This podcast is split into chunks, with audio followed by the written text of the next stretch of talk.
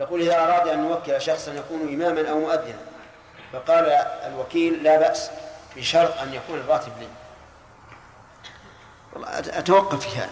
قد يقال إن هذا لا يجوز لأن عمل هذا واضح أنه يريد الدنيا. وقد يقال إن هذا فيه مصلحة وهو سد الباب على هؤلاء الجشعين الذين يأخذون الراتب ثم يقيمون من يصلي مثلا أو يؤذن بنصف الراتب وقد ذكر الشيخ الإسلام رحمه الله في كتاب الوقت في الاختيارات أن هذا من أكل المال بالباطل. قال من أكل المال بالباطل قوم يستنبون في أعمالهم بيسير ويأخذون ما فضل. لأن هذا ما عمل ما عمل أي شيء. نعم.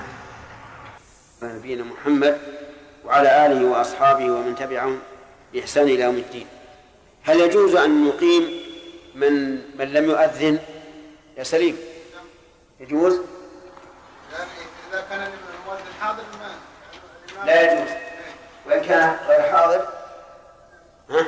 يجوز إن أذن له. إن أذن له وكله يجوز ما في إشكال. نعم. لكن لكن أما إن اعتدى عليه فلا يجوز. طيب.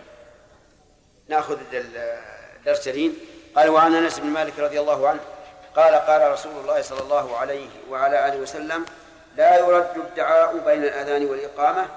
رواه النسائي وصححه ابن خزيمة. لا يرد يعني أن الله لا يرد الدعاء لأن رد الدعاء وقبوله عند الله عز وجل. وقول بين الأذان والإقامة يعني من كل صلاة سواء الفجر ظهر عصر مغرب عشاء جمعة لا يرد. والغرض من هذا الخبر من رسول الله صلى الله عليه وسلم الغرض منه الحث على اغتنام هذا الوقت بالدعاء فإنه حري بالإجابة. ففي هذا الحديث أن هذا الوقت ما بين الأذان والإقامة وقت لإجابة الدعاء. لقوله صلى الله عليه وسلم الدعاء لا يرد الدعاء بين الأذان والإقامة.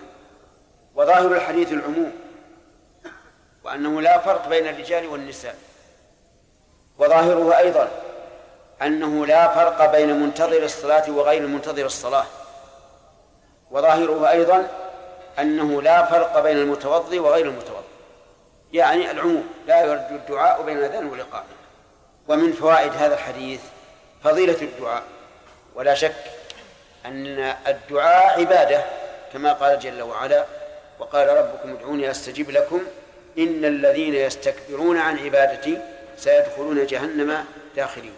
فجعل الله الدعاء عبادة.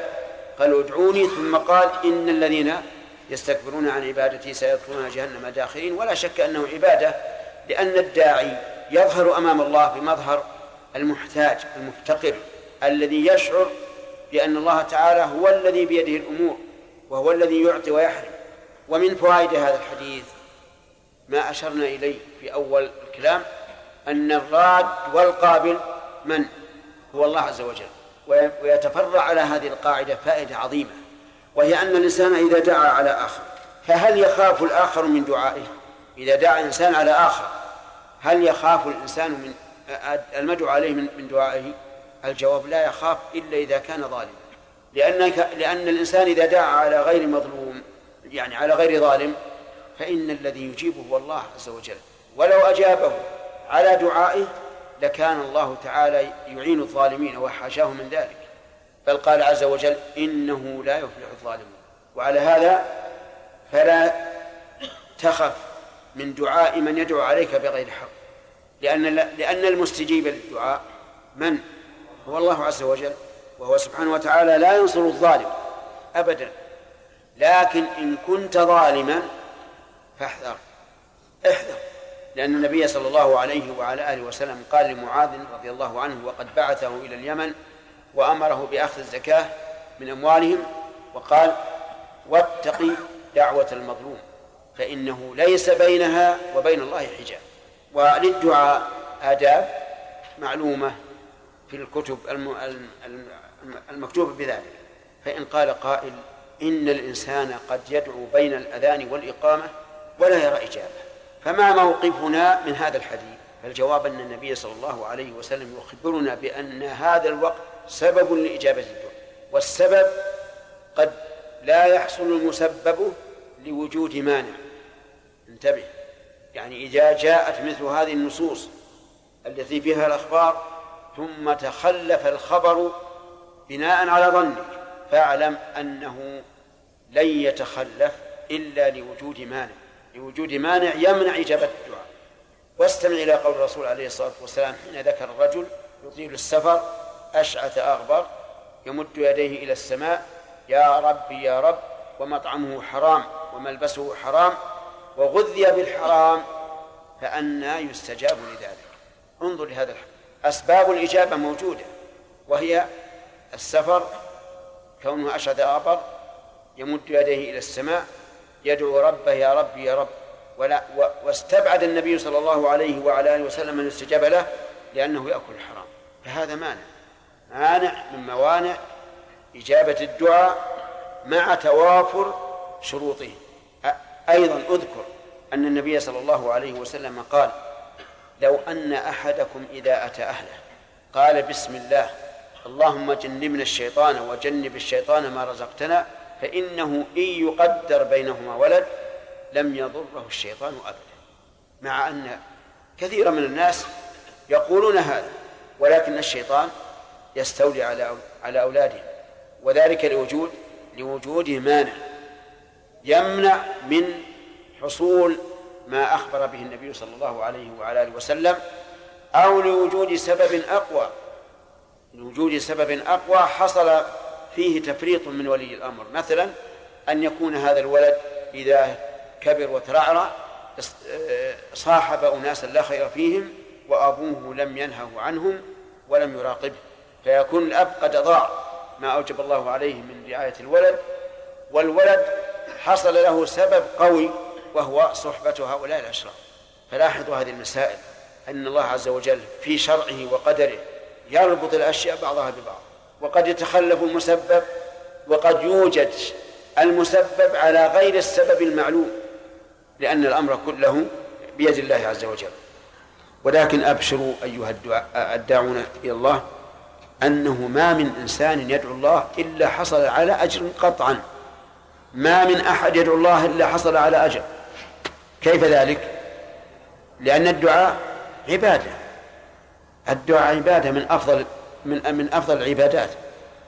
ثم إما أن يستجيب الله له وإما أن يدخر له عنده ما هو أفضل مما دعا به وإما أن يصرف عنه من السوء الذي انعقدت أسبابه من هذا الداعي ما هو أعظم مما دعا به. فلن يعدم داعي الله داعي الله تعالى لن يعدم خيرا هو على خير على كل حال. أكثر من الدعاء وأحسن الظن بالله عز وجل. ولهذا قال جاء في الحديث ادعوا الله وأنتم موقنون بالإجابة. ما من أحد يدعو الله إلا حصل على أجر كيف ذلك؟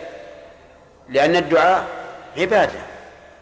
الدعاء عبادة من أفضل من من أفضل العبادات. ثم إما أن يستجيب الله له. وإما أن يدخر له عنده ما هو أفضل مما دعا به وإما أن يصرف عنه من السوء الذي انعقدت أسبابه من هذا الداعي ما هو أعظم مما دعا به.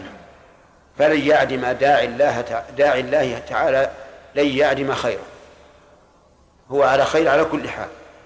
أكثر من الدعاء وأحسن الظن بالله عز وجل. ولهذا جاء في الحديث ادعوا الله وأنتم موقنون بالإجابة. ما من أحد يدعو الله إلا حصل على أجر. كيف ذلك؟ لأن الدعاء عبادة. الدعاء عبادة من أفضل من من أفضل العبادات. ثم إما أن يستجيب الله له وإما أن يدخر له عنده ما هو أفضل مما دعا به وإما أن يصرف عنه من السوء الذي انعقدت أسبابه من هذا الداعي ما هو أعظم مما دعا به. فلن يعدم داعي الله داعي الله تعالى لن يعدم خيرا هو على خير على كل حال. أكثر من الدعاء وأحسن الظن بالله عز وجل. ولهذا قال جاء في الحديث ادعوا الله وأنتم موقنون بالإجابة. ثم قال المؤلف رحمه الله وعن جابر رضي الله عنه أن رسول الله صلى الله عليه وسلم قال من قال حين يسمع النداء حين يسمع النداء اللهم رب هذه الدعوة التامة والصلاة القائمة آت محمدا الوسيلة والفضيلة وابعثه مقاما محمودا الذي وعدته حلت له شفاعتي يوم القيامة أخرجه الأربعة. قوله صلى الله عليه وسلم من قال حين يسمع النداء أي حين يسمع النداء كاملا. ليس حين يسمع أوله كما جاء ذلك مفسرا في حديث آخر أن من قال مثل ما يقول المؤذن ثم صلى على النبي صلى الله عليه وسلم ثم سأل الله سأل الله الوسيلة للرسول عليه الصلاة والسلام حلت له الشفاعة؟ فيكون حين يسمع النداء أي حين يسمعه كاملا. اللهم رب هذه الدعوة التامة. ما أكثر أن تأتي اللهم في الدعاء. قال أهل النحو وأصلها يا الله أصلها يا الله. فحذفت ياء النداء تبركا بسبق الاسم الأعظم الله. ثم عوض عنها الميم لأن الميم تدل على الجمع. كأن من ينادي الله عز وجل قد جمع قلبه ولسانه على هذا الدعاء. يعني ما جاءت بدل الميم آه، كاف أو قاف أو فاء جاءت الميم. لأن الميم تدل على الجمع كما هو معروف. على كل حال معناها يا الله رب هذه الدعوة التامة. هذا عطف بيان أو بدل وإن شئت فاجعله منادا مستقلا. اللهم يا رب هذه الدعوة التامة. ما هذه الدعوة؟ هي الأذان. دعوة تامة لأنها فيها تعظيم الله بالتكبير والشهادة له بالتوحيد والشهادة لنبيه بالرسالة والدعوة إلى الصلاة.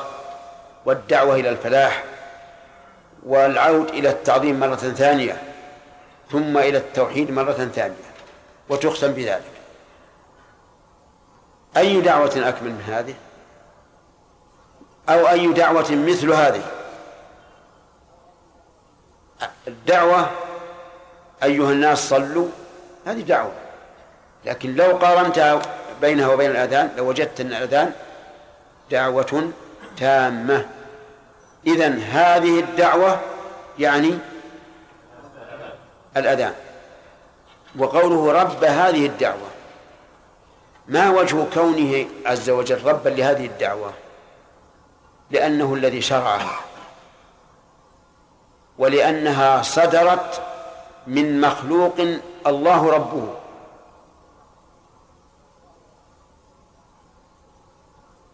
نعم. والتامة كما ذكر هي تامة من كل وجه في صيغها وفي عددها وفي كل ما تضمنته والصلاة القائمة الصلاة القائمة. ما معناها؟ التي ستقام. هكذا ذكر بعض أهل العلم ووجه, ووجه قوله أن هذا الأذان لصلاة ماضية أو بعد يومين أو ثلاثة. نعم. الصلاة القائمة التي ستقام قريبا. فعبر بالوصف الدال على الحال لقرب الأذان من الصلاة لقرب الإقامة من الصلاة. لأن الإقامة للصلاة. رب هذه الدعوة وكذلك الأذان الأذان للصلاة. فالأذان قريب والإقامة قريبة. لكن الإقامة لا يقال فيها هذا الذكر كما سيتبين إن شاء الله. نعم. والصلاة القائمة يعني التي ستقام. ويحتمل أن يكون معنى الصلاة القائمة أي ذات ال... ال... الاستقامة والتمام. حتى يتطابق مع قوله رب هذه الدعوة التامة.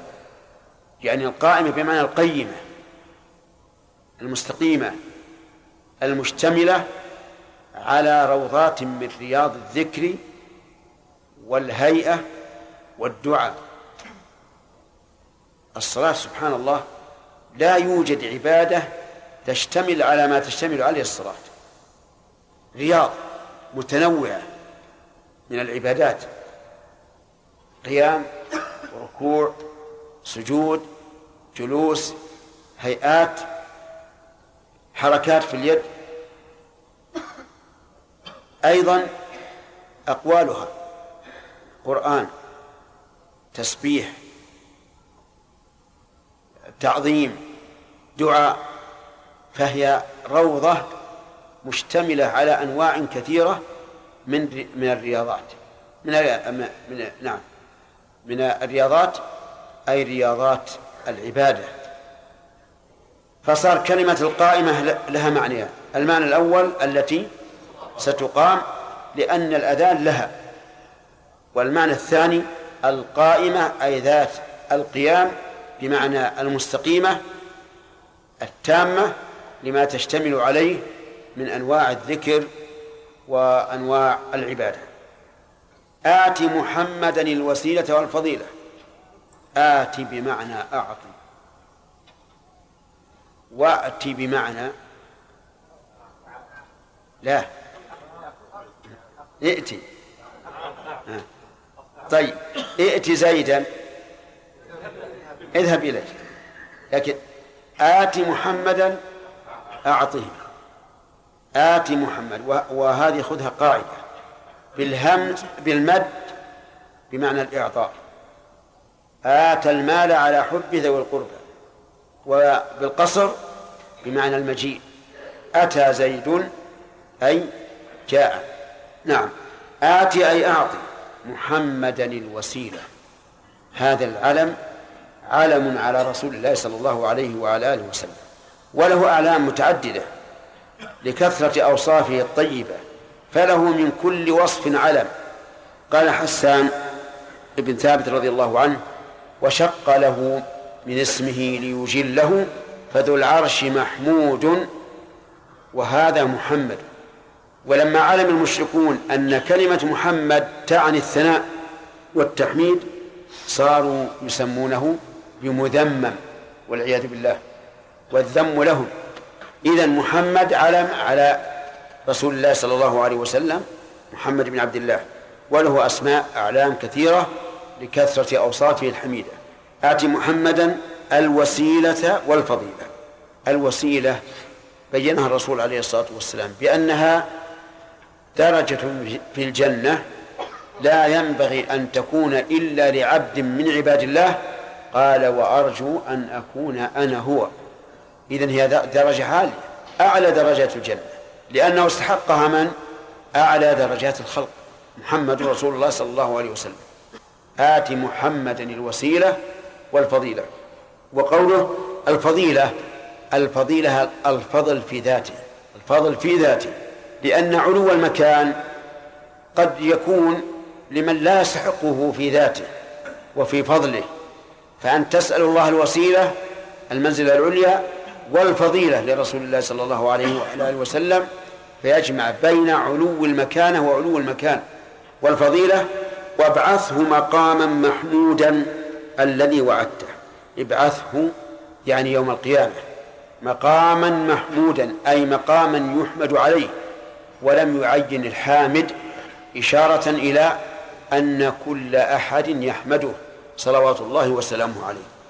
ومنه أي من المقام المحمود الشفاعة العظمى التي لا يتقدم إليها أولو العزم من الرسل لأن الناس يوم القيامة خبر الصدق علم اليقين يحشرون في مكان واحد يسمعهم الداعي وينفذهم البصر حفاة عراة غرلا لا ماء ولا ظل ولا أكل ولا لباس شاخصة الأبصار ويلحقهم من الغم والكرب ما لا يطيقون حتى إن الإنسان ينسى قريبا فإذا نفخ في الصور فلا أنساب بينهم يومئذ ولا يتساءلون. ما يتساءلون وين ولدي وين أخوي وين عمي وين أبوي ما يتساءلون. بل يفر المرء من أخيه وأمه وأبيه وصاحبته وبنيه لكل امرئ منهم يومئذ شأن يغنيه الرجال والنساء. ولما قالت عائشة وسوأتها الرجال والنساء في صعيد واحد قال النبي صلى الله عليه وسلم الأمر أعظم من أن يهمهم يهمهم ذلك. يتساءل الناس من ينجيهم من هذا الكرب؟ فيلهمون أن يأتوا إلى آدم أبي البشر فيسألونه الشفاعة فيعتذر. فيذهبون إلى نوح فيعتذر. إلى إبراهيم فيعتذر. إلى موسى فيعتذر. كل منهم يرى أنه فعلا أنه فعل فعلا لا يتناسب لا يناسب أن يكون شفيعا من أجله من أجل هذا الفعل. آدم يقول إنه أكل من الشجرة التي التي نهي عنها. نوح يقول إنه سأل ما ليس له به علم. إبراهيم يقول إنه كذب ثلاث كذبات. موسى يقول إنه قتل نفسا لم يؤمر بقتلها. عيسى لا يذكر شيئا يحول بينه وبين الشفاعة ولكنه يحيلهم على محمد صلى الله عليه وسلم لأنه أشرف منه. فيقول اذهبوا إلى محمد عبد غفر الله له ما تقدم من ذنبه وما تأخر فيأتون إلى محمد عليه الصلاة والسلام يسألونه الشفاعة عند رب العالمين فيشفع إلى الله عز وجل فيجيب الله تعالى شفاعته ويقضي بين العباد فيريحهم من هذا الموقف. إذن هذا الموقف يحمده فيه من؟ الأولون والآخرون. لأنه خلص الناس من كرب عظيم. هذا من المقام المحمود الذي قال الله تعالى فيه عسى أن يبعثك ربك مقاما محمودا. ولهذا قال الذي وعدته الذي وعدته في قوله عسى أن يبعثك ربك مقاما محمودا.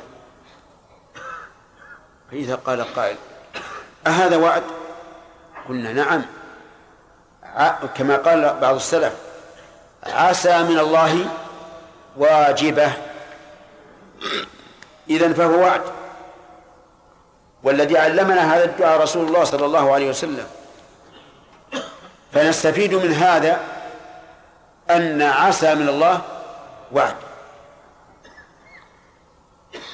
فإذا قرأنا قول الله تعالى إلا المستضعفين من الرجال والنساء والولدان لا يستطيعون حيلة ولا يهتدون سبيلا فأولئك عسى الله أن يعفو عنهم.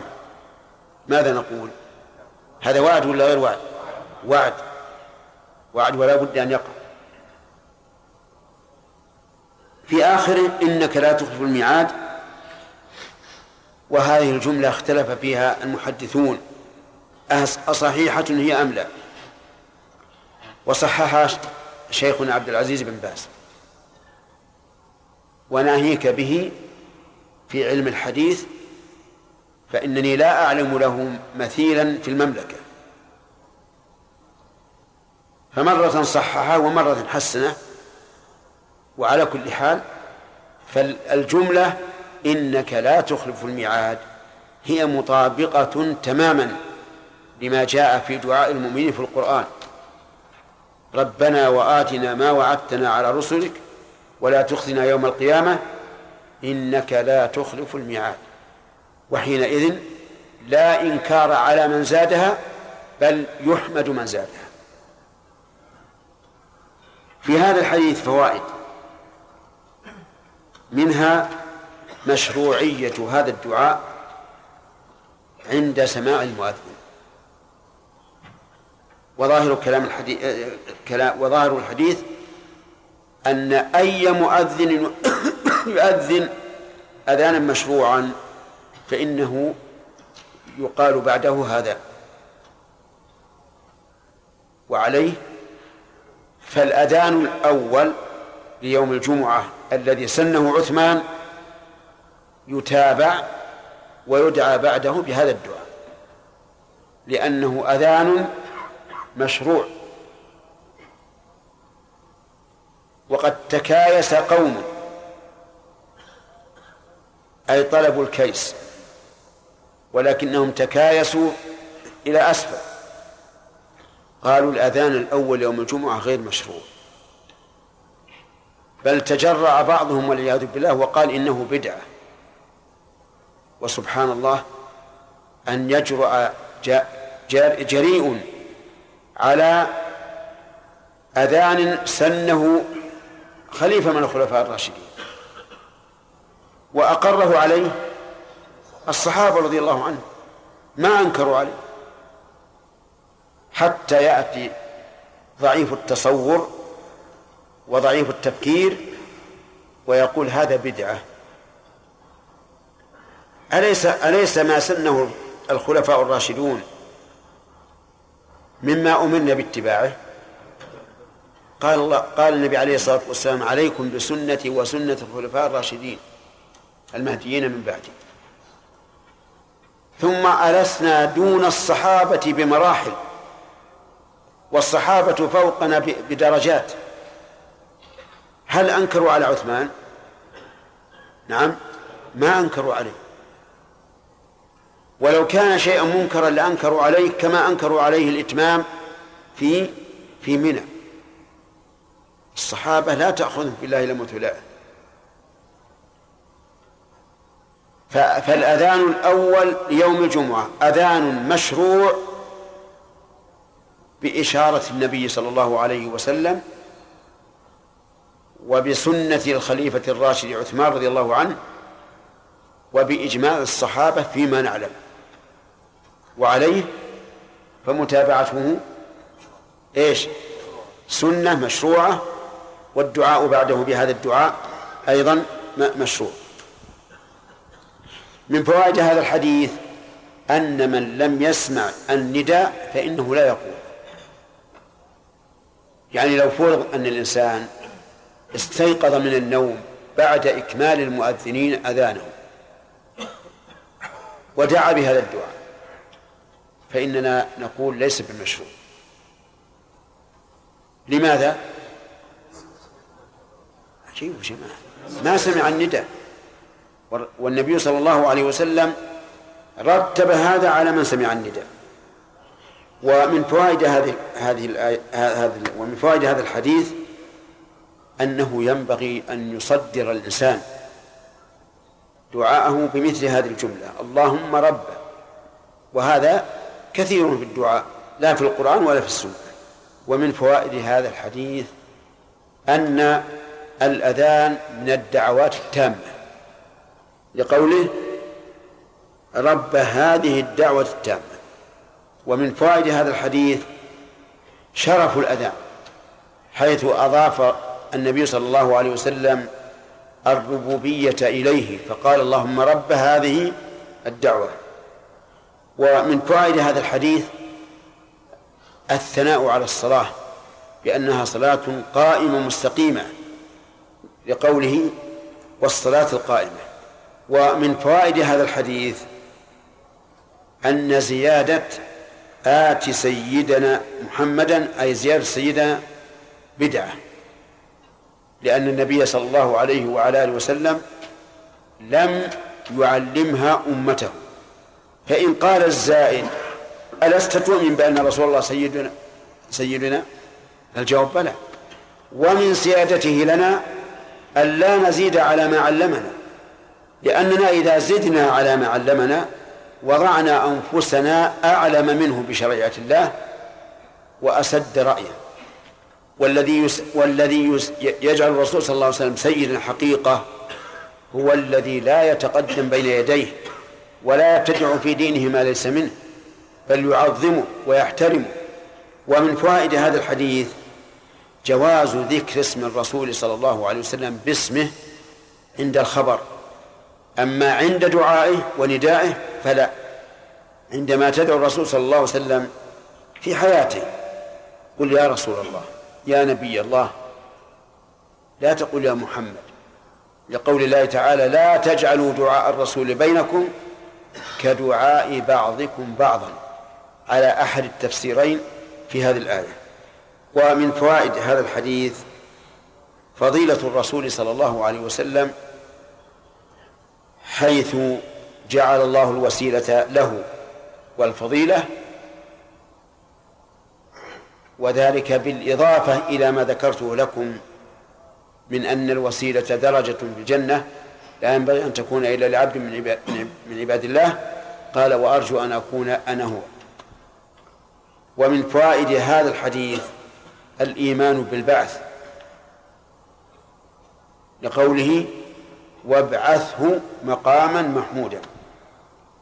ومن فوائد هذا الحديث فضيلة الرسول صلى الله عليه وسلم حيث أمرنا أن ندعو الله تعالى بهذا الدعاء الذي لا بد أن يستجاب. لأنه لو كان لو كان لا يستجاب لكان أمر النبي صلى الله عليه وسلم إيانا به. إيش هو؟ عبثا لغوا. ومن فوائد هذا الحديث التوسل إلى الله تبارك وتعالى بصفاته. لقوله الذي وعدته. ولا شك أن هذا الوصف لا شك أنه من وسيلة الإجابة.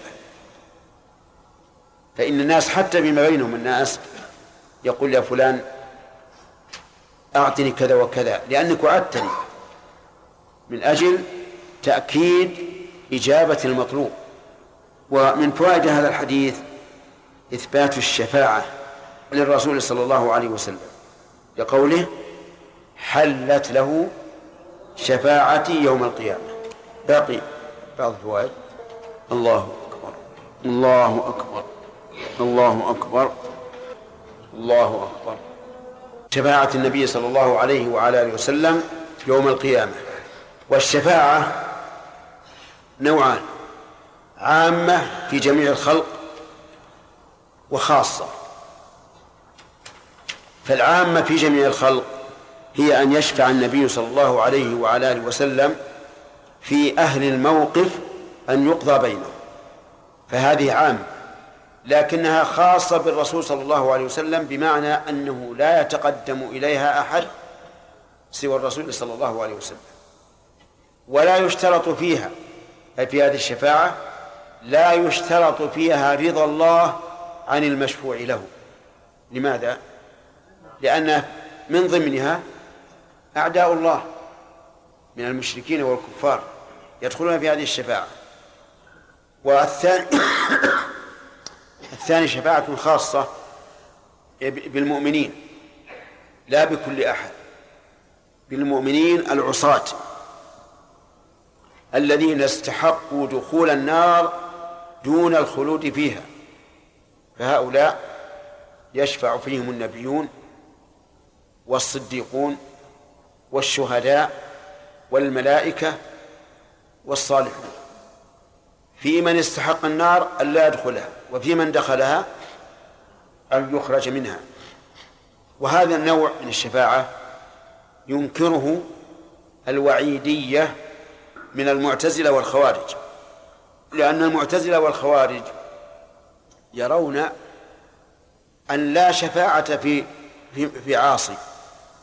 قد عصى بكبيرة لأن المعتزلة والخوارج كل منهم يقول إن فاعل الكبيرة إيش هو؟ مخلد في النار والمخلد في النار ما في الشفاعة. لكن أهل الحق يقولون إن هذه ثابتة. وتواترت بها الأحاديث عن رسول الله صلى الله عليه وعلى آله وسلم. إذا من ومن فوائد هذا الحديث هذا الثواب العظيم لمن قال هذا هذا الدعاء أن تحل له شفاعة النبي صلى الله عليه وسلم. أي شفاعتين؟ العامة لجميع الخلق ولا الخاصة؟ الخاصة. طيب. فيه مباحث الحديث. نقولها ولا نأجلها؟ طيب.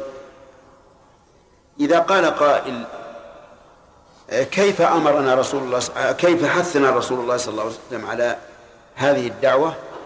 وقد حصلت له.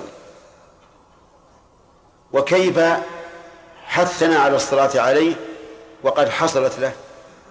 إن الله وملائكته يصلون على النبي. وقال تعالى يا أيها الذين آمنوا صلوا عليه وسلموا تسليما. وكيف حثنا وأمرنا أن نصلي عليه؟ مع أنه يأمرنا أن ندعو له. وسؤال الغير أن أن أن يدعو الإنسان غير مستحسن. كم هذا من ثلاثة أسئلة. الأول كيف أمرنا أو حثنا على الدعاء بهذا وقد حصل له؟ الجواب على ذلك أنه ربما يكون من أسباب الحصول دعاء الأمة. لأن لأن الأسباب قد تكون واحدا أو اثنين أو ثلاثة أو عشر. قد يكون هذا من الأسباب. ثانيا أمرنا رسول الله صلى الله عليه وسلم أو حثنا على ذلك من أجل أن نذكر ما للرسول صلى الله عليه وسلم من حق من حق علينا. أن ندعو له عند كل أذان. في اليوم خمس مرات على الأقل. الثاني الدعاء الإشكال الثاني.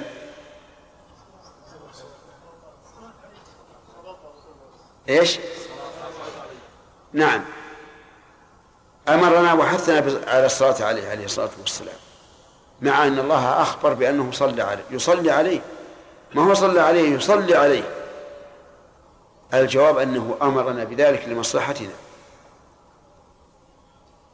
من صلى عليه مرة واحدة صلى الله عليه بها عشرة إذن المصلحة لمن؟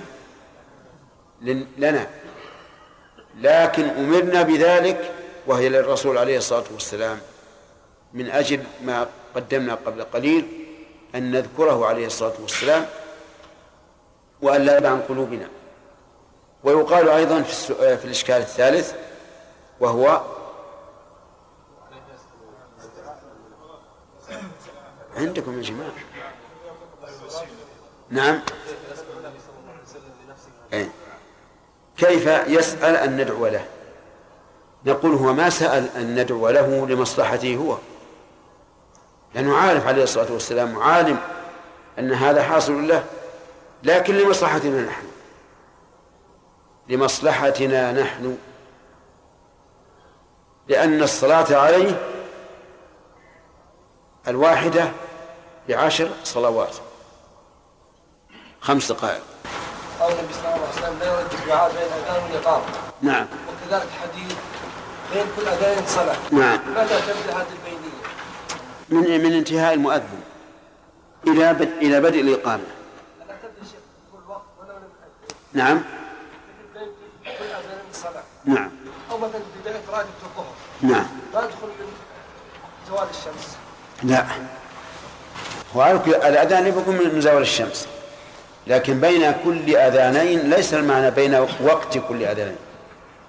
بين كل أذانين بالفعل. وليس المراد أذانين يعني أذان الفجر وأذان الظهر. المراد الإقام الأذان والإقامة. نعم يا سليم. والله عنك شيخ لفظة الحديث أن أن الإمام أولى بالإقامة يا شيخ. المؤذن. المؤذن أولى بالأذان و بالإقامة يعني معناها إن مو معناه هو اللي يقيم المراد هو الذي يأمر بالإقامة. أنت فاهم أن الإمام هو اللي يقيم لا أنا لفظة الحديث يعني أولى بالإقامة يعني معناه أنه هو الذي يقول يا يا مؤذن أقم الصلاة. هذا وهو, وهو كذلك. نعم. يحيى. يقال إن أكل الحرام يمنع من قبول العبادة لأن الدعاء عبادة. لا. لا لا ما, ما يقال هذا. يقال هذا الدعاء فقط. كما قال النبي صلى الله عليه وسلم. لو لو سمع النداء ولم يتابع المؤذن هل يشرع له الدعاء؟ لا. لأن في الحديث الأخرى تدل على أنه يتابع ثم يقول. نعم. قلت أنت بتستأذن ذكرت لك قبل الإذن. نعم. نعم. يلا خالد. ما رايك يا شيخ في من يستعجل الركعتين بين الأذان والإقامة حتى يدعو يدعو ويدعو. رأي في إيش؟ في من يستعجل؟ الركعتين في من يستعجل التي بين الأذان والإقامة حتى يدعو. بعد بعد الركعتين وش الركعتين؟ تحية المسجد. ما ما ما يطول في الدعاء. هذا رأيي أن هذا جهل. لأن الدعاء في الصلاة أفضل من الدعاء خارج الصلاة. يدعو في السجود يدعو في السجدتين يدعو في التشهد. نعم صالح. قال محمد صلى الله عليه وسلم لابد يقول قال رسول الله. لا أحسن قال رسول الله. قال رسول الله صلى الله عليه وسلم. ها؟ تصح قال محمد عليه الصلاة والسلام؟ تصح لكن يقال قال قال رسول الله. كما قال العلماء. نعم. الصلاة الصلاة أفضل أو التلاوة؟ نعم. الصلاة أفضل أو التلاوة؟ الصلاة أفضل التلاوة؟ الصلاة أفضل. يعني لو قال الإنسان جالس ينتظر الصلاة هل الأفضل أن يصلي ويقرأ؟ نقول الأفضل أن يصلي لا سيما إذا كانت الصلاة راتبة أما إذا كان نفلا مطلقا فهنا ينظر الإنسان ما هو أصلح لقلبه وأخشى. أحيانا يكون الإنسان مستعدا للقراءة ويخشع قلبه عند القراءة وإذا دخل في الصلاة قام صار القلب يتجول يمين وشمال ولم يخشع فهنا نقول القراءة أفضل. نعم. نعم. إلا وإن خسر الشيطان فيستهل صالح صالح. نعم. هل هو مخصوص في حديث آه، لو أن أحدكم إذا جاء أهله؟ لا لا. لا غير مخصوص. المهم لم يقل هذا الأعراب طيب. إذا ثبت مشروعية الأذان هو أن المسلمين بعد الهجرة احتاجوا إلى ما يعلمهم بالوقت فتشاوروا فيما بينهم فاقترح بعضهم النار وبعضهم الناقوس وبعضهم البوق. فرأى عبد الله بن زيد بن عبد ربه في منامه رجلا معه ناقوس فقال أتبع هذا؟ قال ما تصنع به. قال أعلم به للصلاة. فقال ألا أدلك على خير من ذلك؟ سد الخلل هذا يا أخوان. لا يبقى خلل الجماعة الأول فالأول. طيب. الأذان في اللغة شيخ إبراهيم. الإعلام. الإعلام. قال الله شاهد. قال الله تعالى وأذان من الله ورسوله إلى الناس. قال الله تعالى وأذان من الله ورسوله إلى الناس يوم الحج الأكبر. أي إعلام. في الشرع. إيه نعم. الإعلام بحلول فعل الصلاة بذكر مخصوص. الإعلام بإيش؟ بحلول فعل الصلاة بحلول فعل الصلاة على بذكر مخصوص. مخصوص. بارك الله فيك. طيب. من حكمة الله عز وجل أن الله تعالى لم يحرم غير المؤذنين من أن يوافقوا المؤذنين. بماذا يا بن هارون؟ لأن النبي صلى الله عليه وسلم قال اذا سمعت النداء فقول مثل ما يقول المؤذن من أمر النبي صلى الله عليه وسلم أن يقول من سمع المؤذن كما يقول المؤذن. هل يخالف المؤذن في شيء محمود؟ يقول حي على تين. في الحياتين ويقول لا حول ولا قوه الا بالله السامع يقول لا حول ولا قوة إلا بالله. ما الحكمة في أنه لا يوافقه؟ هذا النداء له والمؤذن ينادي غيره. المؤذن ينادي غيره يقول حي على الصلاة حي على الفلاح. السامع لا ينادي غيره بل يقول لا حول ولا قوة إلا بالله. والمقصود بذلك؟ الاستعانة. الاستعانة بالله عز وجل. هنا نجد أن أن الرجل لا يقول اللهم أعني يقول لا حول ولا قوة إلا بالله. فهل هذا من باب التوسل؟ معلوم استعانة لكن الرجل ما قال اللهم أعني نعم. من وجهين الوجه الأول صفات صفات الله عز وجل وهو أن الحول والقوة الحول والقوة الكامل لله. الوجه الثاني آه، بالافتقار. التبرؤ من الحول. والقوة إلا بالله. وهذا أحد ما يتوسل به في الدعاء أن يذكر الإنسان حاجته. كما قال موسى عليه الصلاة والسلام رب إني لما أنزلت إلي من خير فقير. طيب. قال المؤذن في أذان الفجر الصلاة خير من النوم. ماذا يقول السامع؟ عبد الله. يقول الصلاة خير من النوم مثل مثل ما قال المؤذن وقال بعضهم. أصبر ما سألتك عن الخلاف. ما هو الدليل؟ قال النبي صلى الله عليه وسلم عموم قوله إذا سمعتم المؤذن فقولوا مثل ما إذا سمعتم النداء فقولوا مثل ما يقول المؤذن. وهذا عام في جميع الجمل. استثني منه الحيعلتين بالدليل. فيبقى ما عداه على الأصل. وأما استحسان بعضهم أن يقول لا حول ولا قوة إلا بالله أو أن يقول آه، صدقت وبررت فلا وجه له مع وجود الدليل. قوله اللهم رب هذه الدعوة التامة والصلاة القائمة.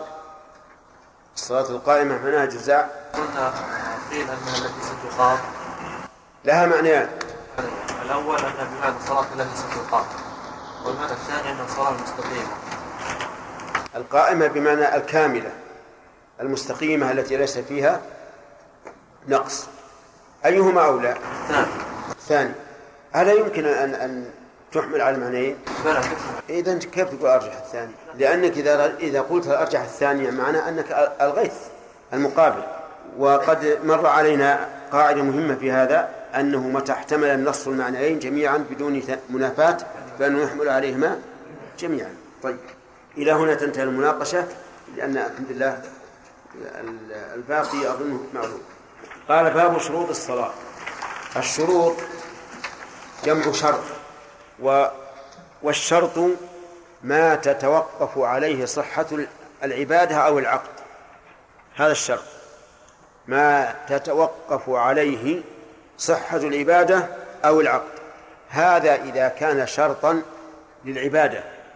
أما الشرط في العقد فهو يختلف. الشرط في العقد ما يتوقف عليه لزوم العقد. فعندنا الآن شرط للصحة وشرط للزوم الشرط للصحة من قبل الشرع ليس لنا فيه تدخل. الشرط للزوم من قبل العبد. فمثل إذا شرط رجل باع بيتا وشرط سكنه سنة يقول هذا شرط للبيع ولا في البيع؟ في البيع. فهو شرط للزوم وأما إذا باع بعد نداء الجمعة الثاني فإنه لا يصح البيع لوجود المانع فالحاصل أن شرط الشيء من عبادة أو معاملة أو عقد من عبادة أو عقد ما تتوقف عليه صحته. فإن قال قائل ما هذه الشروط؟ ما هذه الواجبات؟ ما هذه الأركان التي قالها العلماء؟ أتجدون هذا في القرآن أو السنة؟ الجواب؟ فالجواب لا. لا نجد هذا في الكتاب والسنة لكن العلماء رحمهم الله تتبعوا النصوص وأحصوا ما ما يشترط للعبادة أو للمعاملة ثم جمعوها ورتبوها حسب ما تقتضيه النصوص تسهيلا لطالب العلم. تسهيلا لطالب العلم. وحينئذ لا يجوز الاعتراض على ما مشى عليه العلماء. لأن بعض الناس يقول ما لنا وللشروط ما لنا وللأركان ما لنا وللواجبات. هذه أوصاف ما أنزل الله بها من سلطان. فيقال سبحان الله إن الناس لا يتعبدون لله تعالى بهذه الأوصاف لكن جعلوها وسيلة لتقريب العلوم على طالب العلم والوسائل لها أحكام المقاصد. فلا تغتروا بمن يقول لا دع الناس.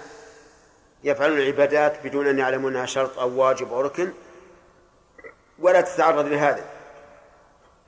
نقول الحمد لله. هذه مسائل يحتاج المسلمون إليها لضبط المسائل العلمية وتسهيلها على الطالب وليست هي مقصودة بذاتها.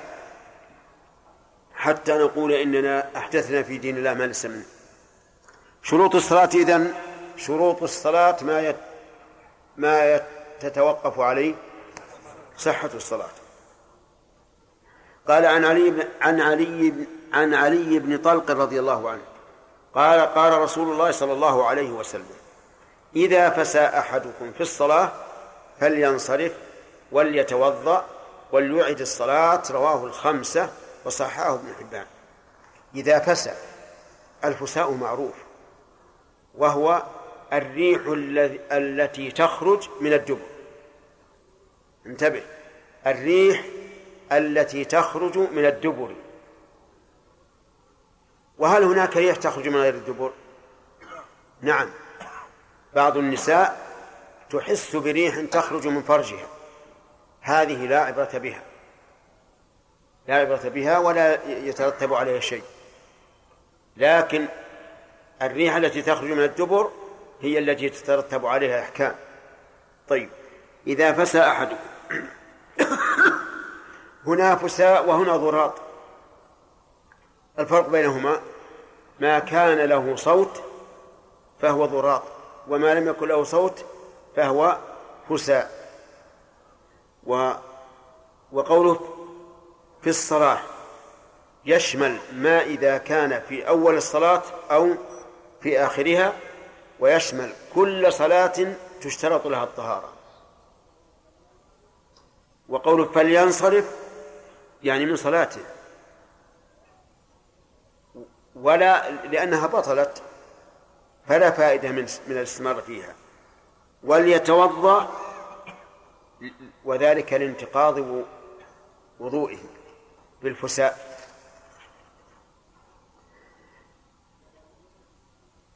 وليعد الصلاة. يعيدها من جديد ولا يبني من جديد؟ لأنه قال وليعد والإعادة فعل الشيء ثانية.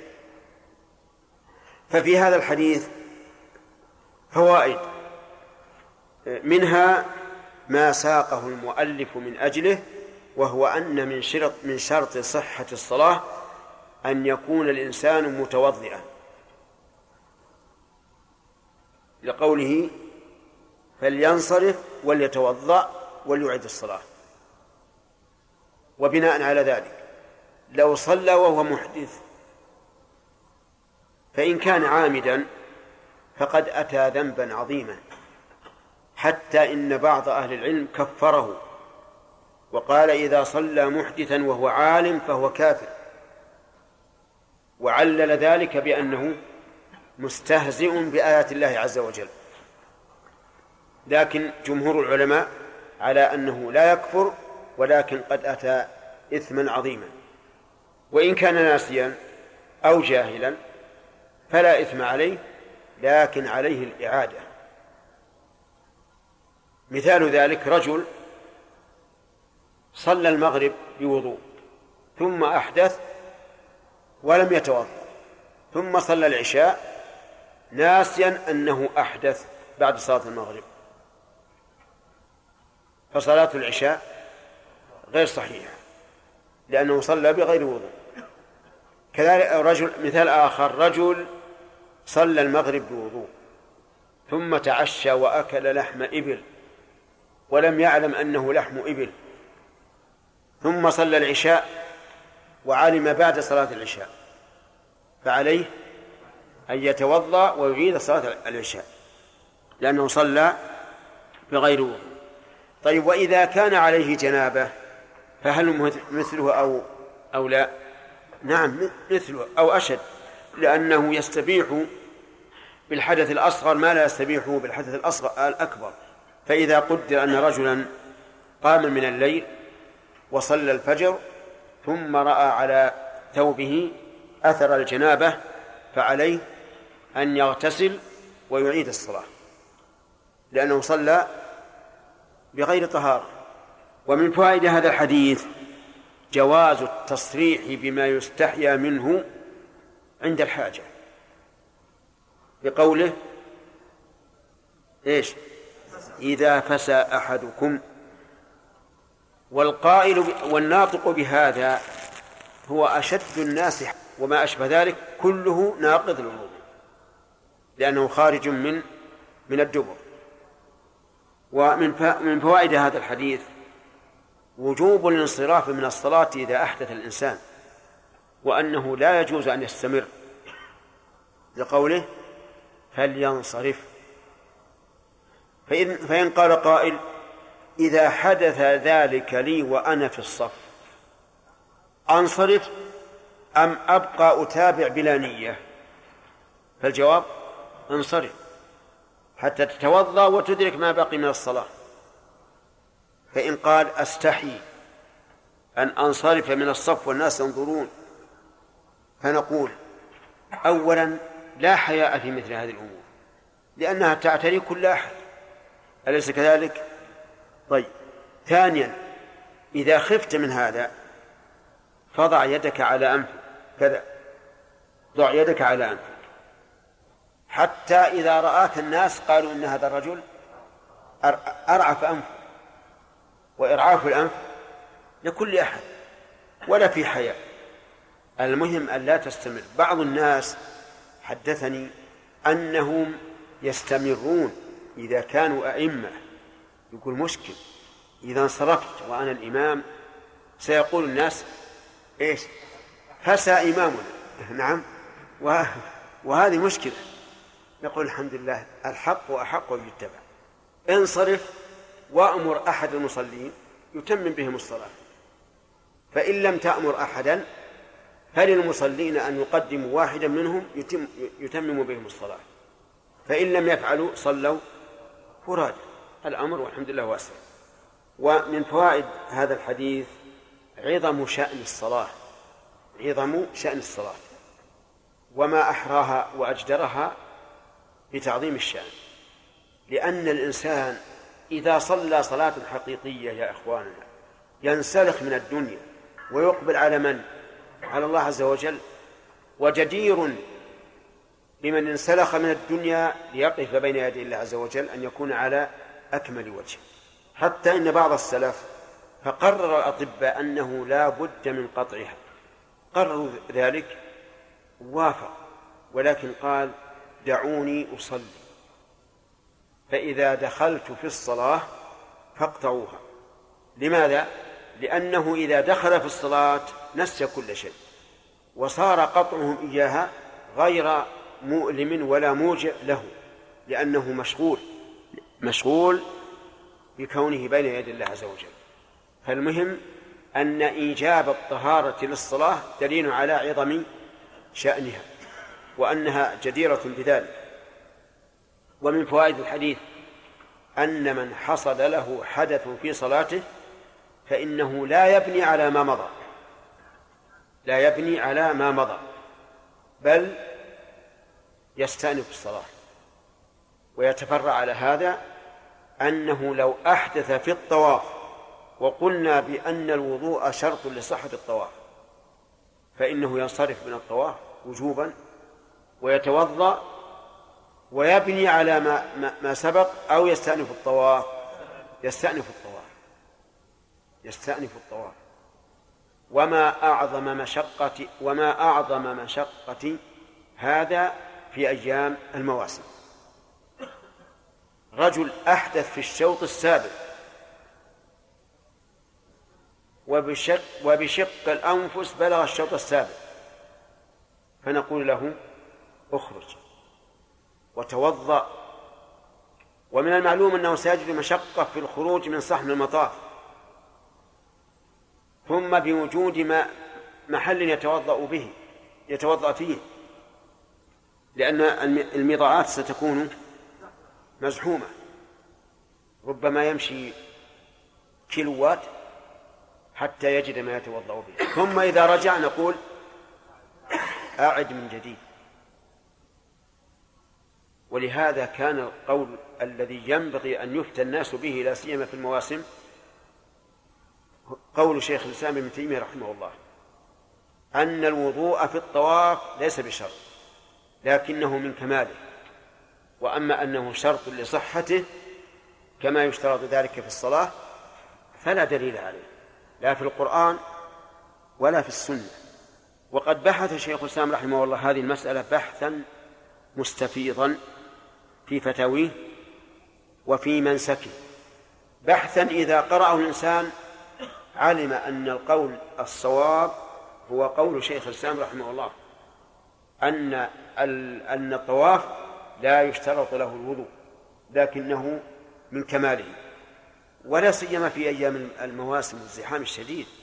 يعني الإنسان يجد حرجا أن يكلف عباد الله بالوضوء وإعادة الطواف مع عدم وجود مع عدم وجود دليل يكون له حجة عند الله عز وجل. إذا من شرط صحة الصلاة الطهارة من منين؟ من الحدث حتى يتوضأ. فإن نسي أو جهل أعاد الصلاة. وهل مثل ذلك إذا نسي أو جهل النجاسة في ثوبه؟ لا. لو صلى وفي ثوبه نجاسة ناسيا أن يغسلها فصلاته صحيحة. لو لم يعلم بالنجاسة في ثوبه إلا بعد الصلاة لم يلزم أن يعيدها لو كان يعلم. بهذه البقعة لكن لم يتيقن أنها نجاسة إلا بعد الصلاة لم يلزمه أن يعيدها والفرق أن اجتناب النجاسة من باب إيش؟ من باب ترك المحظور وعدم الوضوء من باب ترك المأمور والفرق بينهما ظاهر في نعم وهذه تخرج منها سوائل نعم. هل هذه الوضوء وهل هذا السائل ظاهر أم لا؟ السوائل التي تخرج من المرأة تسمى رطوبة فرج المرأة. والمذهب أنها طاهرة وفيه قول آخر أنها نجسة ولكن الصحيح أنها طاهرة. لو تول لو تلوثت بها الثياب والبدن فإنه لا يجب غسله. لكن المشكل هو انتقاض الوضوء انتقاض الوضوء بهذا. لم أرى أحدا قال إنه لا ينتقض الوضوء إلا ابن حزم رحمه الله لكن لم يذكر له سلف ووجه الإشكال عندي أننا إذا قلنا بانتقاض الوضوء بها وكانت هذه الرطوبة مستمرة صار لها حكم سلس البول. وهذا يستلزم يستلزم أن تعيد المرأة وضوءها كلما دخل وقت صلاة الفريضة. وهذا يشق عليها إذا كانت مثلا زائرة لجماعة من النساء أو إذا كان في رمضان وقد أتت إلى المسجد الحرام لصلاة المغرب والعشاء. فأنا في الحقيقة آه، يعني لو وجدت سلفا لابن حزم ما توقفت أنها لا تنقض الوضوء وأنها من جنس الريق الذي يخرج من الفم لكن ما وجدت أحد ما وجدت أحدا سبقه. هو يقول إن الرسول عليه الصلاة والسلام إنما أمر بالوضوء من الشيء المستقبل البول الغائط الريح. أما هذا فليس مستخبثا وليس له رائحة خبيثة فإن وجد أحدهم أحدا قال بذلك والدعوة عامة وتسابقوا في من تس... في... هذا أن تجدوا أحدا سبق ابن حزم في ذلك أن السائل العادي الذي يخرج من فرج المرأة لا ينقض الوضوء. ومن سبق فله جائزة من سبق منكم فله جائزة مني. أفهمتم؟ والجائزة غير غير مقترحة ما تذكر لا نوعا ولا جنسا ولا قدرا. نعم؟ أهل السير أو غيره جائزة أهل السير يقولون جزاك الله خير. نعم يا عبد الله. ما ضابط خروج الريح؟ إيش؟ ضابط خروج الريح لأن الريح في بعض الأحيان تخرج يعني بشيء يسير لا يكاد يذكر. هل نشرب أن يشمها نفس الشخص؟ أو يعني الريح قليلة وكثيرة مثل مثل البول. قليلها وكثيرها الريح ينقض الوضوء. كالبول تماما. لكن لو أحس الإنسان بحركة ولكنه آه، لم يسمع صوتا ولم يجد ريحا. فلا شيء عليه. أشياء الإمام لو استحيا بعد انتقال وضوءه واستمر المال إثم يأثم نعم. يأثم الإمام وغير الإمام. إذا إذا أحدث في أثناء الصلاة يجب أن يخرج منها. فإن استمر فهو آثم. ولكن أرأيت لو كنت أنت مديرا لل- للمساجد شؤون المساجد. وبلغك أن هذا الإمام آه، استمر في صلاته مع الحدث. ماذا تصنع به؟ نعم؟ إيش؟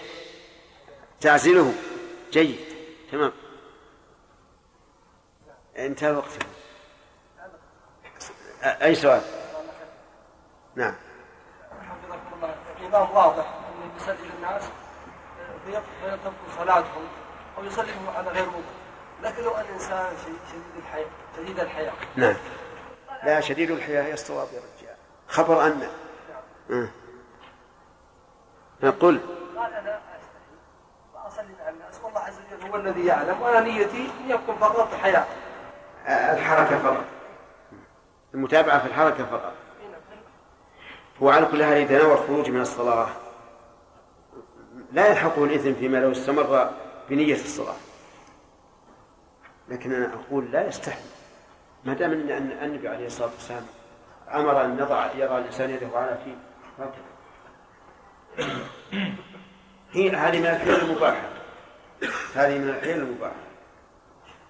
وأن تقول الإمام ما أدري شيء. لا لا. الغير ما لهم دخل في صلاته. يعني لو فرضنا أن الإمام استمر في إتمام صلاته وهو محدث فالمأمومون ليس عليهم شيء أبدا. ولا يحق صلاتهم نقص ها؟ والله ربما يكون أشد من جهة أن هذا نوع من الخيانة. إنه يستمر بهم في صلاته وهي باطلة لكنه بالنسبة لصلاة المأمومين ما يلحق نقص بسم الله الرحمن الرحيم الحمد لله رب العالمين. وصلى الله وسلم على نبينا محمد وآله وصحبه أجمعين.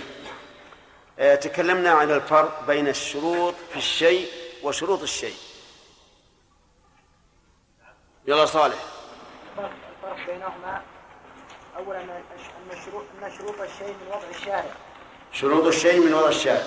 والشروط في الشيء وضع المتعاقدين. من وضع المتعاقدين. هذه واحد. ثانيا أن شروط الشيء تتوقف عليه صحة الصلاة صحة الشيء. ما تتوقف عليه صحة الشيء. والشروط في الشيء تتوقف عليه لزوم الشيء. لزوم الشيء. واضح هذا يا جماعة؟ طيب. في مسألة ما- ذكرتها لكم لكن نذكرها الآن. ما هي الحكمة من وضع الشروط في العبادات؟ شروط وجوب الحج شروط وجوب الصوم شروط وجوب الزكاة وغيرها. ما هي الحكمة؟ الحكمة لأجل أن ينضبط الناس في العبادات. بحيث يكون أمرهم واحدا. لأنها لو لم تذكر هذه الشروط لكان كل واحد يذهب مذهبا غير مذهب أخيه.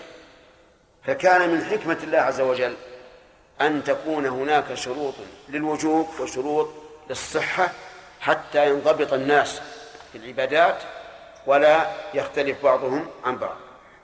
طيب حديث علي بن طلق رضي الله عنه أدخله المؤلف في شروط الصلاة. فما وجه ذلك؟ يلا وليد. أن الطهارة من الحدث من شروط من شروط صحة الصلاة. صحة الصلاة. بارك الله فيك. طيب. هل هناك دليل يؤيد هذا؟ نعم.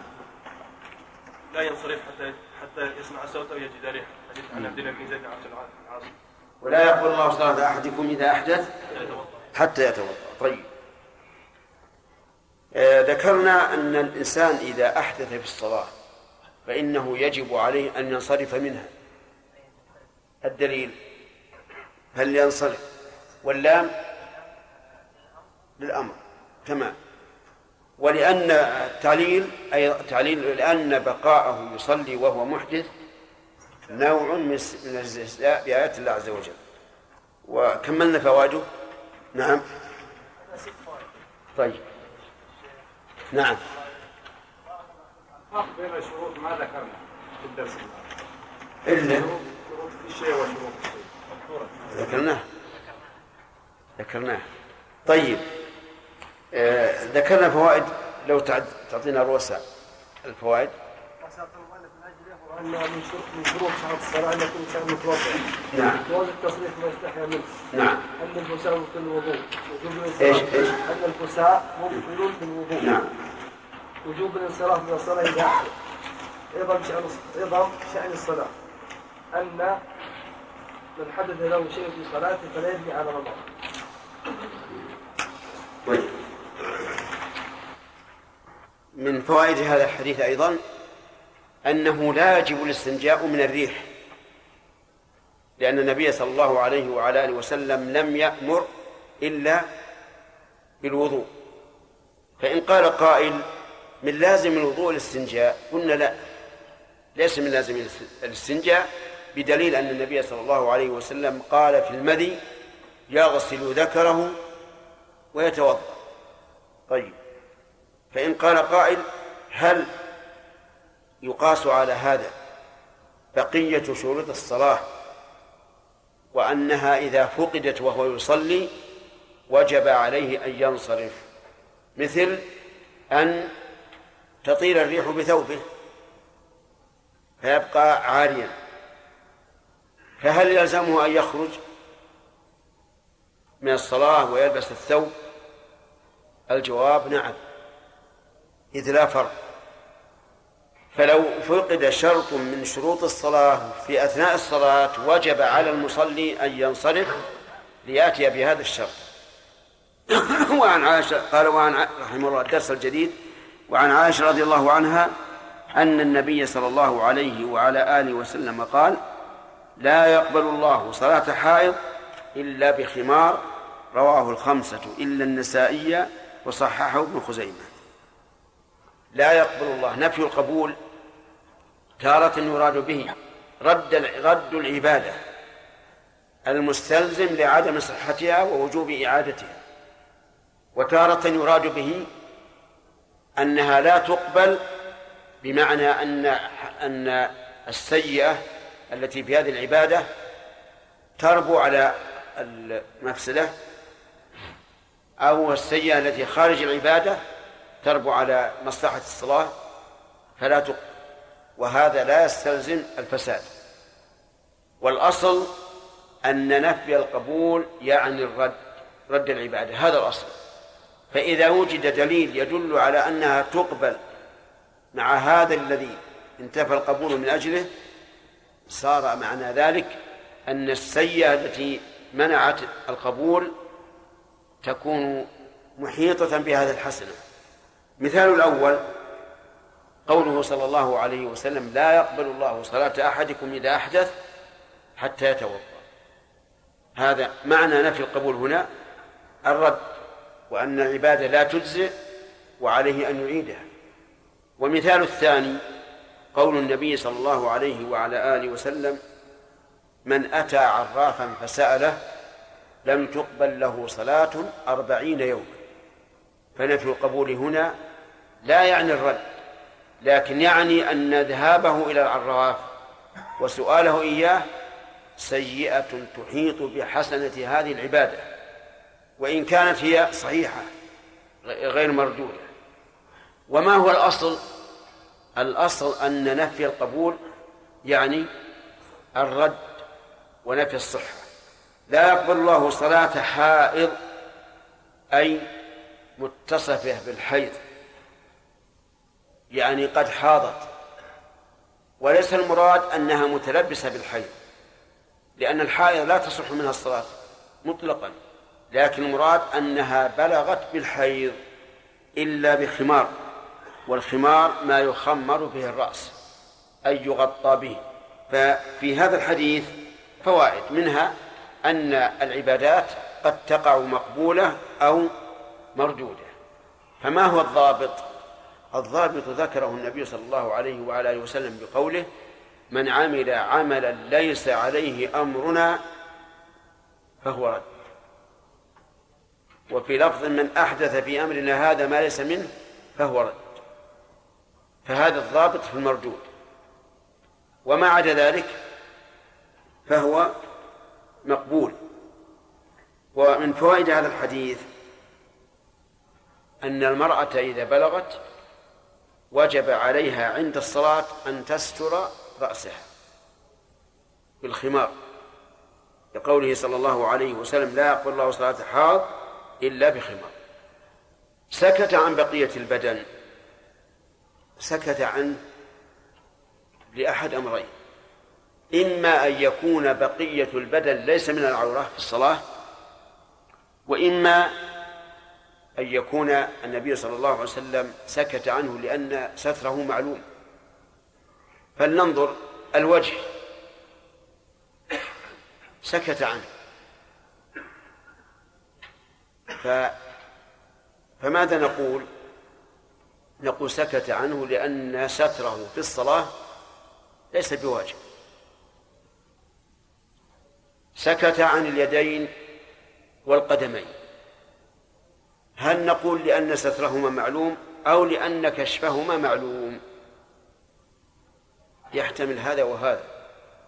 ولذلك اختلف العلماء رحمهم الله في وجوب ستر الكفين والقدمين أثناء الصلاة. فمنهم من قال بالوجوب ومنهم من قال بعدم الوجوب. والقول بعدم الوجوب أظهر والقول بالوجوب أي وجوب الستر أحوط. وعلى هذا فنأمر المرأة قبل أن تصلي أن تستر الكفين والقدمين. لكن لو أنها صلت مكشوفة الكفين والقدمين ثم جاءت تسأل فهل نأمرها بالإعادة أو لا؟ لا نأمرها. لأن الأظهر في الدليل عدم وجوب ستر الكفين والقدمين. لأن هناك فرق الشيء اللي يكون على سبيل الاحتياط يؤمر به الإنسان قبل فعله. أما بعد أن يفعل فما وجب على سبيل الاحتياط لا يمكن أن يقوى على إبطال العبادة. ومن فوائد هذا الحديث التفريق بين الصغيرة والبالغة. لأن قوله حائض وصف مؤثر. مفهومه أن غير الحائض نعم. تصلي بدون خمار. فالمرأة التي لم تبلغ ولو بلغت إحدى عشرة سنة أو اثنتي عشرة سنة أو ثلاثة عشرة سنة أو أربعة عشرة سنة ولم تبلغ عورتها في الصلاة ما بين السرة والركبة. كما قال الفقهاء رحمهم الله.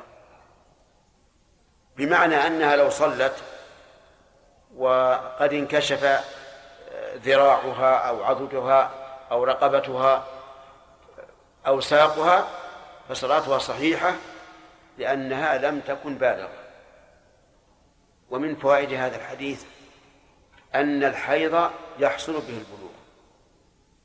وجه ذلك تفريق النبي صلى الله عليه وعلى آله وسلم بين الحائض وغير الحائض فلولا أن هناك تمييزا بينهما بأن تكون الحائض مكلفة ومن لم تحض غير مكلفة لكان تعليق الحكم بهذا الوصف عديم التأثير. فإن قال قائل وهل يحكم ببلوغ الأنثى بالنفاس؟ فالجواب لا. الجواب لا. وهذا مما يفرق فيه بين الحيض والنفاس لأن حملها لا يكون إلا بإنزال. فتكون بالغة بإيش؟ بالإنزال السابق للحمل. أما النفاس فهو بعد. وهذا من الفروق بين النفاس والحيض. ومن الفروق أن الطلاق في النفاس جائز وفي الحيض ليس بجائز. دليل ذلك قول الله تبارك وتعالى يا أيها النبي إذا طلقتم النساء فطلقوهن لعدتهن. والحيض لا يعتد به في في العدة. قصدي والنفاس النفاس لا يعتد به في العدة وإذا كان لا يعتد به في العدة وإنما تبتدئ المطلقة بالعدة من حين الطلاق فإنه يكون قد طلق للعدة. أما الحيض فهو إذا طلق في أثناء الحيضة ستلغى هذه الحيضة التي وقع فيها الطلاق وحينئذ لم يكن طلق للعدة لأن عدة الحائض كم؟ ثلاث حيض. فإن قال قائل أليس النبي صلى الله عليه وعلى آله وسلم قال لعمر مره يعني عبد الله بن عمر فليطلقها طاهرا أو حاملا. قلنا بلى لكن ليطلقها طاهرا منين؟ من الحيض لأن ابن عمر طلقها وهي حائض ولهذا قال أو حاملا. واستدل النبي صلى الله عليه وسلم بالآية فيكون هنا هنا فرق بين النفاس وبين الحيض. الحيض لا يجوز فيه الطلاق والنفاس يجوز فيه الطلاق. وفيه أيضا ستة فروق مع أن كثيرا من الفقهاء لم يذكروا إلا أربعة لكن فيه زيادة. طيب وعن جابر رضي الله عنه أن النبي صلى الله عليه وعلى آله وسلم قال قال له إذا كان الثوب واسعا فالتحف به. يعني في الصلاة ولمسلم فخالف بين طرفيه وإن كان ضيقا فاتزر به. نعم. إذا قال له إذا كان الثوب واسعا فالتحف به. يعني إجعله لحافا لك يشمل جميع البدن. ولهذا قال خالف بين طرفيه. وإن كان ضيقا فاتزر به يعني استر أسفل البدن. لأنه إذا كان ضيقا لا يتسع للبدن كله فهو إما أن يستر أعلاه أو يستر أسفله وأيهما حق؟ ستر الأسفل. ولهذا قال فاتزر به أي اجعله إزارا. فهذا أيضا يستفاد منه أنه لا بد من ستر العورة في جميع في في جميع البدن. لكن إذا كان الثوب واسعا فإن كان ضيقا كفى الاستتار. فيستفاد من هذا الذي ذكرنا أن الأولى للإنسان في حال الصلاة أن يستر جميع بدنه. ويدل لهذا قول الله تعالى يا بني آدم خذوا زينتكم عند كل مسجد. يعني لباسكم. عند كل مسجد أي عند كل صلاة. ومن فوائد هذا الحديث أنه لا يجب ستر أعلى البدن في حال الصلاة. لقوله فاتزر به ولم يقل فصل بما يستر البدن أو كلمة نحوها.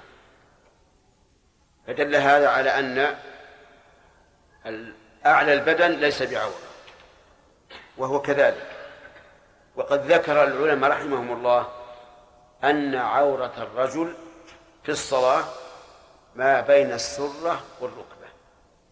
فتكون الفخذان داخلتين في العورة في الصلاة. وتكون الركبة والسرة غير داخلتين في العورة. لأن العبارة ما بين السرة والركبة. فالسرة والركبة ليستا من العورة. ومن فوائد هذا الحديث التيسير على الأمة. حيث فرق النبي صلى الله عليه وعلى آله وسلم بين الواسع والضيق. وهذه القاعدة في الشريعة الإسلامية قاعدة أصيلة. قال فيها النبي صلى الله عليه وسلم إن الدين يسر. وقال لمن يبعثهم لدعوة الناس إلى الإسلام يسروا ولا تعسروا فإنما بعثتم ميسرين ولم تبعثوا معسرين. فاتخذ هذه القاعدة بين عينيك دائما أن الدين الإسلامي والحمد لله دين اليسر والسهولة والسماحة ومن فوائد هذا الحديث أن أن أسفل البدن أولى بالستر من أعلاه لقوله إن كان ضيقا فاتزر به. وقال ولهما من حديث أبي هريرة رضي الله عنه قال أن النبي صلى الله عليه وسلم قال لا يصلي أحدكم في الثوب الواحد ليس على عاتقه منه شيء. وفي لفظ بالتثنية ليس على عاتقيه ولا منافاة. قول لا يصلي أحدكم في الثوب الواحد. المراد بالثوب في الحديث ليس هو القميص بل الثوب ما يستتر به الإنسان من قميص أو إزار أو لحاف أو غير ذلك.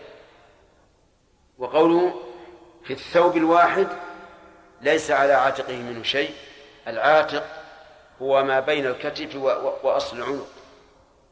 وقوله شيء نكرة في سياق النفي فيعم القليل والكثير.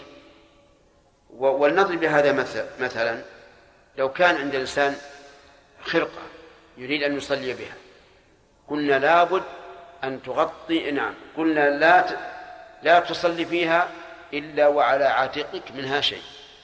ولا شك أن هذا كمال الستر. لكن هل هذا واجب أو هذا على سبيل الاستحباب؟ اختلف في ذلك العلماء رحمهم الله فقال بعضهم إن ستر المنكبين واجب في الفريضة والنافلة. وقال بعضهم إنه واجب في الفريضة دون النافلة. وقال آخرون إنه ليس بواجب ولكنه من كمال الستر وهذا هو الأصح ويدل له حديث جابر رضي الله عنه السابق ومن فو... إذن من فوائد هذا الحديث جواز الصلاة بثوب واحد وأنه لا بد أن يضع على عاتقه منه شيء وهو وهل هو على سبيل الاستحباب أو الوجوب أو التفصيل؟ التفريق بين الفرض والنفل من فوائد هذا الحديث أنه لا يشترط أن يلبس الإنسان ثوبين في الصلاة يعني قميصا وسراويل مثلا وأنه لو صلى في قميص كفى لأن القميص سيكون على عاتقيه منه شيء ومسألة لو أن أحدا صلى في في إزار فقط هل تجزئه الصلاة؟ الجواب إذا كان إذا لم يجد سواه فلا شك أنها تجزئه وإن وجد فإن من العلماء من يقول إن صلاته باطلة وهؤلاء هم الذين يقولون بوجوب ستر العاتق. ومنهم من يقول صلاته صحيحة لكنه قصر في ستر العورة وهذا هو الصحيح. وهذا يكثر كثيرا في أيام الحج. تجد الرجل يشتغل مثلا في طبخ أو غيره ويصلي بإزار ورداءه حاضر. فعلى القول الراجح يكون تكون صلاته صحيحة. وعلى القول باشتراط ستر أحد المنكبين أو المنكبين جميعا تكون صلاته باطلة. ولهذا لا ينبغي للإنسان أن يتهاون في هذه المسألة مع وجود الخلاف بين العلماء. نعم. كما أنه إذا الثوب واسعا فإن فإن الستر يعني على البدن مستحب. نعم. فلما لم نقل بوجوب كيف لم نقل بوجوب نعم. يعني الواجب ما بين السرة والركب نعم. حديث جابر إي نعم. إن كان واسعا فلتحت به إي نعم. وإن كان ضيقا؟ عن الضرورة مثلا. لا الضرورة هي لا قال فاطلب ما ما يسلم. أو ما تتيح له نعم. بارك الله فيك. ما صحة صلاة المرأة بالثياب الضيقة أو وهي تشتغل الساق. ستأتينا إن شاء الله. حديث ابن سلام بعد. نعم يا سليم. أقول عنك شيء الأيام في الوقت هذا كثر من يصلي بثوب النوم. والله حتى على والله سبحانه وتعالى حتى على زينة المسجد.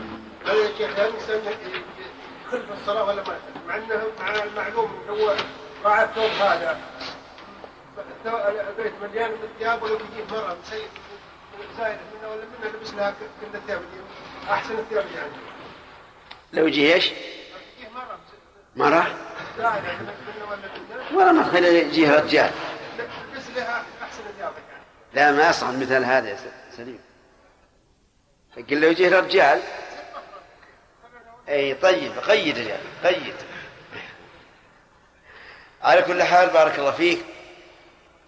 يجوز تجوز الصلاة في, في ثوب النوم لكن الأفضل أن يصلي بثوب أحسن منه لقوله خذوا زينتكم.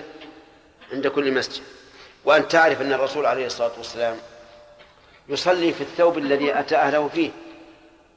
فتغسل عائشة المنية ويخرج إلى الصلاة وبقع الماء في ثوبه. إنما لا شك أنه كل ما يعني تجمل الإنسان فهو أفضل. أنا شيخ أن الصحابة رضي الله عنهم وارضاهم ما عندهم مثل ما عندنا اليوم الله يرحمهم إي نعم صحيح. يركبون ثيابهم من الحاجة صحيح ما في شك. والثاني حتى في الجمعة يا شيخ يصلون به حتى في الجمعة. نعم. هذا صحيح. لكن ما دام الأمر واسع والحمد لله نوسع على الناس. إنما نقول أفضل لك انت أن تصلي بثوب يعتبر ثوبا مناسبا. نعم. تضع الفرق بين الحيض والنفاس في جواز الطلاق في النفاس دون الحيض نعم.